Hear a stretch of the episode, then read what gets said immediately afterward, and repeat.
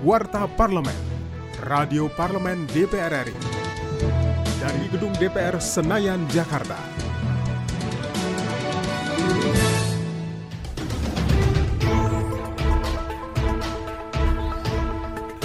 Anggota Komisi 10 DPR RI, Sofian Tan, mengatakan momen kemerdekaan Indonesia harus menjadi pemicu tekad bagi seluruh elemen bangsa dan generasi muda untuk memanfaatkan bonus demokrasi dengan meningkatkan kualitas sumber daya manusia melalui pendidikan formal maupun non-formal agar mampu bersaing di tingkat global. Saat di Komplek Parlemen Senayan Jakarta, yang menambahkan permasalahan sistem pendidikan daring di tengah pandemi COVID-19 harus menjadi catatan dan evaluasi bagi pemerintah dalam upaya pemerataan dan pembangunan.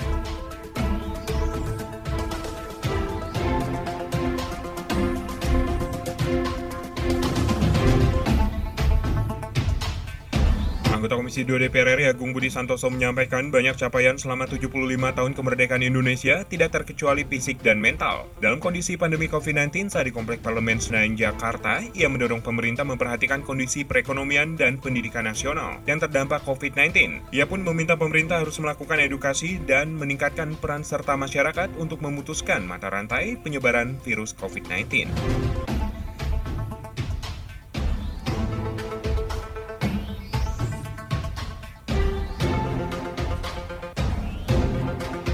75 tahun Indonesia merdeka, DPR bersama pemerintah berkomitmen tanggulangi pandemi COVID-19 dan mendorong seluruh elemen bangsa untuk berjuang melawan pandemi COVID-19. Ditemui jelang sidang tahunan MPR serta sidang bersama DPR RI dan DPD RI di Komplek Parlemen Senayan Jakarta baru-baru ini, ia menyampaikan Hari Kemerdekaan Republik Indonesia menjadi momen untuk mengenang perjuangan dan pengorbanan para pahlawan. Namun HUT RI kali ini perjuangan masih harus dilakukan oleh seluruh pihak dalam melawan pandemi COVID-19, baik pemerintah maupun masyarakat.